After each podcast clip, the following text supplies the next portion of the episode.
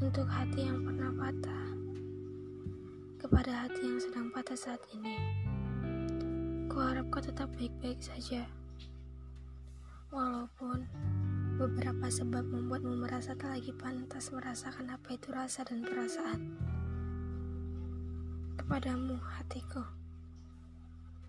Semua yang telah dilalui beberapa fase ini. Aku tahu bukan hal-hal yang mudah buat dilakukan sendirian. Entah itu lelah karena menunggu,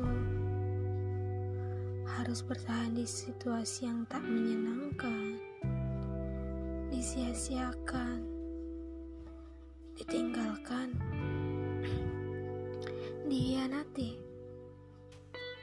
diselingkuhi, bahkan tak dianggap sekalipun. Semua hal yang menyakitimu, kuharap kau tetap baik-baik saja. Mungkin kalimat ini egois, membuat hati harus tetap tegar. Padahal dia sedang berada di fase yang sangat terdalam dari rasa sakit. Tapi kuat itu harus. Beberapa hal tidak baik dilakukan dalam perasaan sedih yang terus larut. Hati, kau berhak bahagia. Apa sudah lelah bertemu dengan hati yang lain lagi?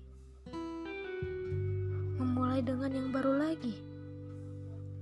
Melakukan improvisasi lagi?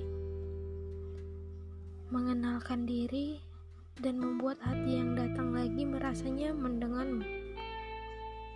Lalu kau berpikir lagi, apakah aku akan jatuh ke lubang yang sama kembali? Hati-hati, wahai hati. Semua perkara hati. Dan hati bisa saja mati karena dihianati.